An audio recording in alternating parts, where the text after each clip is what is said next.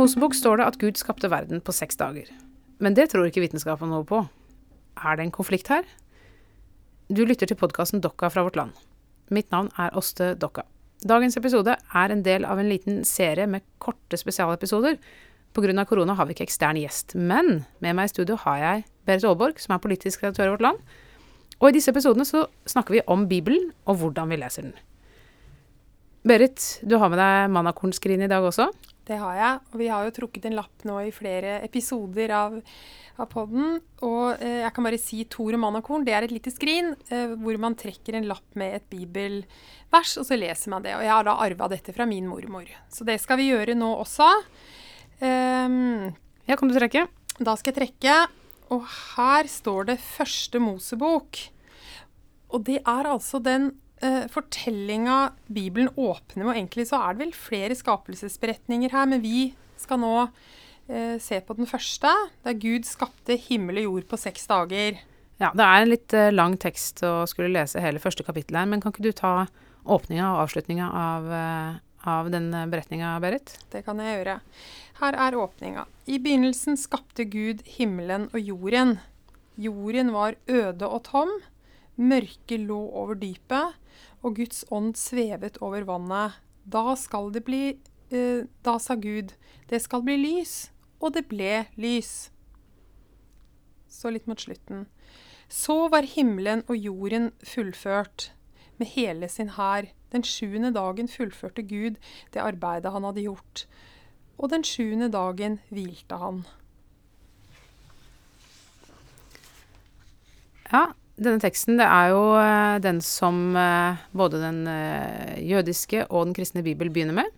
det som vi ofte kaller for skapelsesberetningen. og det navnet, Første Mosebok, det tror jeg dukka opp med Luther, faktisk. Fordi de mente at det var Moses som hadde skrevet eh, Mos, som vi kaller Mosebøkene. Men det, det, skjønte man jo ut på 1800-tallet, hvor man, eh, eller kanskje tidligere til og med, hvor man begynte å, å, å, bruke historiske metoder for å lese tekster, at det kunne jo ikke stemme at Moses skulle ha skrevet dette. Og da fikk man det som vi kaller for flerkildehypotesen, hvor eh, forskerne fant ut at antageligvis er Mosebøkene sammensatt av mange ulike kilder, eh, mange ulike forfattere, og så er det en eller flere redaktører som har satt det sammen til én tekst. Eh, og, og, tekstene kan jo være ha veldig gamle kilder. Det kan være gammelt, gammelt fortellingsstoff. Eh, no, vi ser at det er noe felles eh, fortellingsstoff med f.eks. Gilgamesh, som er et eh, skapelsesepos fra Mesopotam mesopotamisk eh, eh, skapelsesepos, og flere andre typer sånne fortellinger som, som, som går igjen.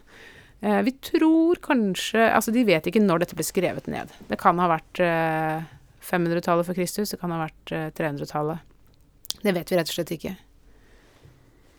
Men Berit, eh, hvis vi bare ser på teksten, hvordan fortolker du den teksten? Er, tenker du at den skal forstås måte, historisk, bokstavelig? Jeg har i hvert fall aldri tenkt sjøl at den kan tolkes bokstavelig. Men når du spør om det, så, så, så, må jeg jo si at det leder jo tankene mine på når jeg sjøl var utvekslingsstudent i USA. Det var på midten av 80-tallet. Og det var første gangen at jeg egentlig møtte på en veldig sånn um, en form for kreasjonisme. Altså, da var det no, ikke den menigheten som min familie tilhørte, men det var andre som var veldig opptatt av at eh, jorda var skapt på seks dager. Og den gangen husker jeg tenkte at det er mulig at det var folk i Norge som på en måte tenkte det, men du hadde ikke de der harde frontene hvor det blei veldig viktig for noen å si at jorda er skapt på seks dager, for det står i Bibelen. Um, og det, det, har jo etter hvert blitt en veldig veldig betent debatt i USA, da. Uh, og en kampsak. Så, men uh, jeg har vel ikke tenkt det. Og det er jo ikke noen tradisjon i Norge. Egentlig er det vel litt importert til Norge fra USA, denne måten å tenke på. Ja, jeg kommer også liksom vi tenker på Jeg husker en gang vi satt rundt middagsbordet eh, da jeg var ungdom, og både min mormor og min farmor var til stede. Og min mormor kommer fra, fra Vestlandet. Eh, fra en type ganske lavkirkelig indremisjonsbakgrunn, eh, mens min farmor kom fra et eh, høyt utdanna grundtvigiansk eh, østlandshjem. Og de, de, eh, av en eller annen grunn begynte vi å snakke om uh, hvordan verden ble til. Og da, da De hadde ulike syn? Ja, og definitivt. For, for min, min, farmor mente jo at dette og, dette var jo bare en fortelling. Eh, mens min mormor mente at det var, det var slik verden ble skapt. For det sto det i Bibelen. Og da spurte farmor sånn Men tror du egentlig på det? Og så svarte mormor da Nei, men det står jo i Bibelen. og jeg tenker at Det er en form for sånn, det som jeg tror kanskje har vært typisk i Norge, at det er en form for sånn lydighetsfromhet overfor teksten. At man er kanskje ikke så opptatt av liksom, noen konflikt mellom vitenskapen og kristendommen, men likevel så er det en eller annen sånn sann Man holder det for sant likevel. Men jeg tror at der, det som du snakker om, som er en form for sånn bibelfundamentalisme, da, eh, i USA, den, det har jo blitt importert til Norge fordi at det, det var jo ikke en gammel tradisjon nei, for det i Norge, konflikten, liksom, Den teologiske konflikten i Norge på begynnelsen av 1900-tallet gikk jo mellom det som var liksom den klassiske liberalteologien, veldig påvirka, eller altså de som drev det, fram et historisk-kritisk arbeid med Bibelen, eh, og, og hadde anså sånne fortellinger som dette som myter, og også langt inn i Nytestamentet mente at det var mytologisk stoff. og også gikk veldig langt i å på en måte demontere ganske mye kristne dogmer på en måte som vi ikke gjør nå. Mm. Eh, det vil si at Jesus ikke var Guds sønn, f.eks., eh, men veldig opptatt av etikk. Mens pietismen var, eh, holdt jo disse tingene for sant på, på et annet nivå enn eh, en de som var opptatt av historisk-kritisk metode. Eh, og, og, dette ble jo en kjempekonflikt på begynnelsen av 1900-tallet i Norge. Og liberalteologien, sånn som den var den gangen, er ikke sammenlignbart med det man kaller for liberale teologer i dag, egentlig. Nettopp. Det er to veldig ulike ting. Eh, og, og skillelinjene i, i, norsk eh, kristenhet har flytta seg veldig fra den tida. Men dette førte jo til Man ansatte jo i 1906, tror jeg det var, eh, en eh, professor i systematisk teologi på Teologisk fakultet som het Johannes Ording. Som var jo en altså virkelig foregangsmann for disse, den tyske liberalteologien.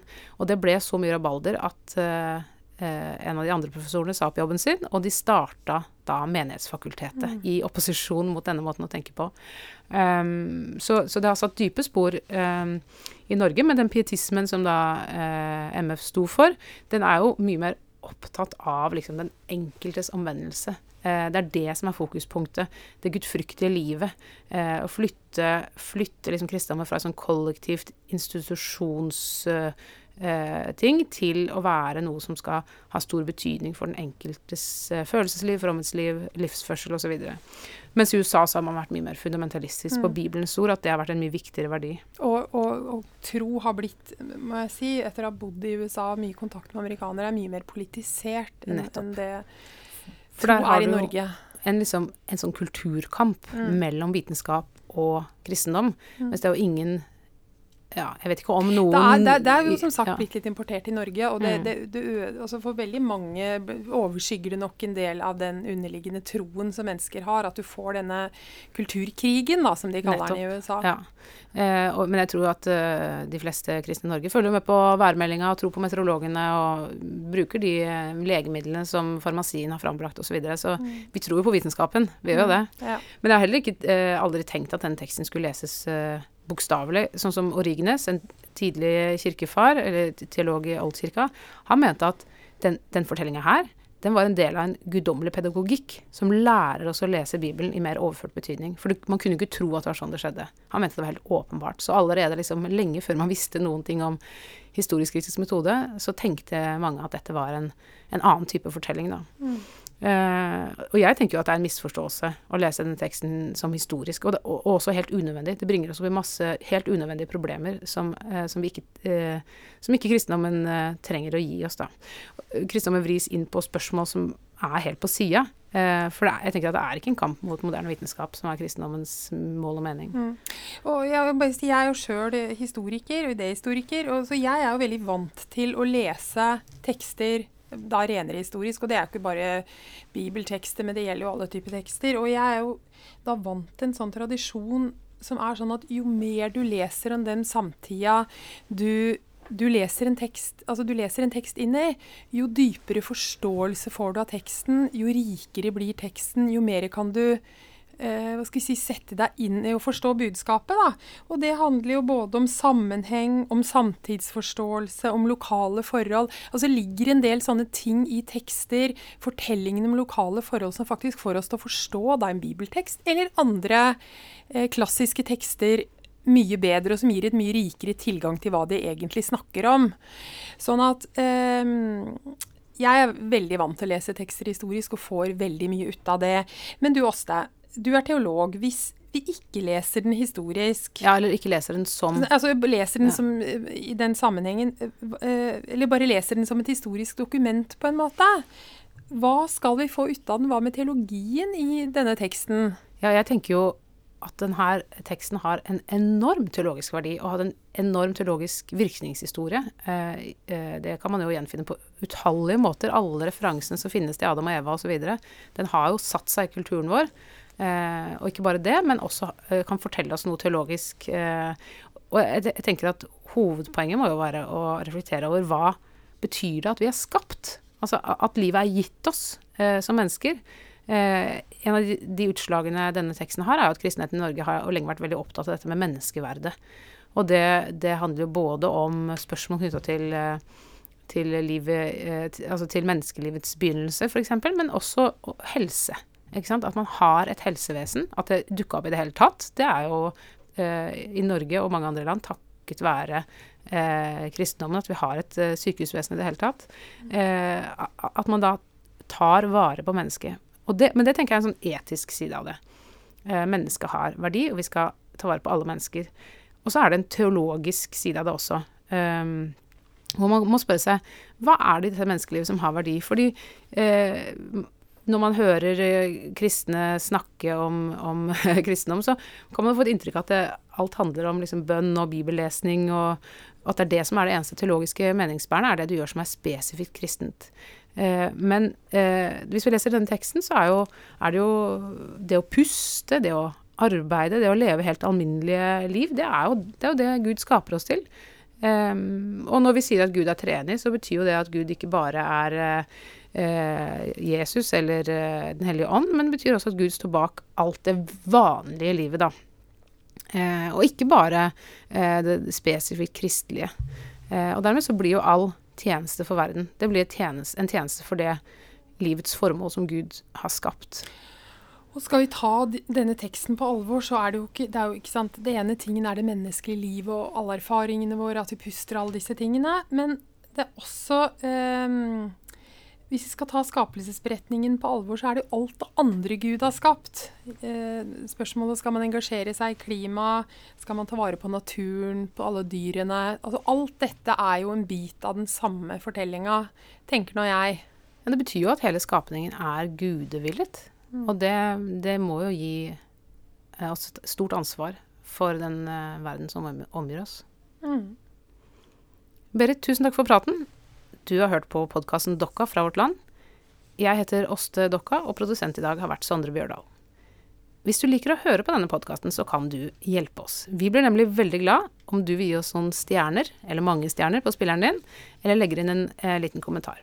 Og vet du hva? Du kan abonnere på Vårt Land digitalt for bare 10 kroner i 100 dager. Les mer om vilkårene på vl.no tilbud. Og den lenka den ligger også i beskrivelsen av denne podkastepisoden på spilleren din. Ha en fin dag.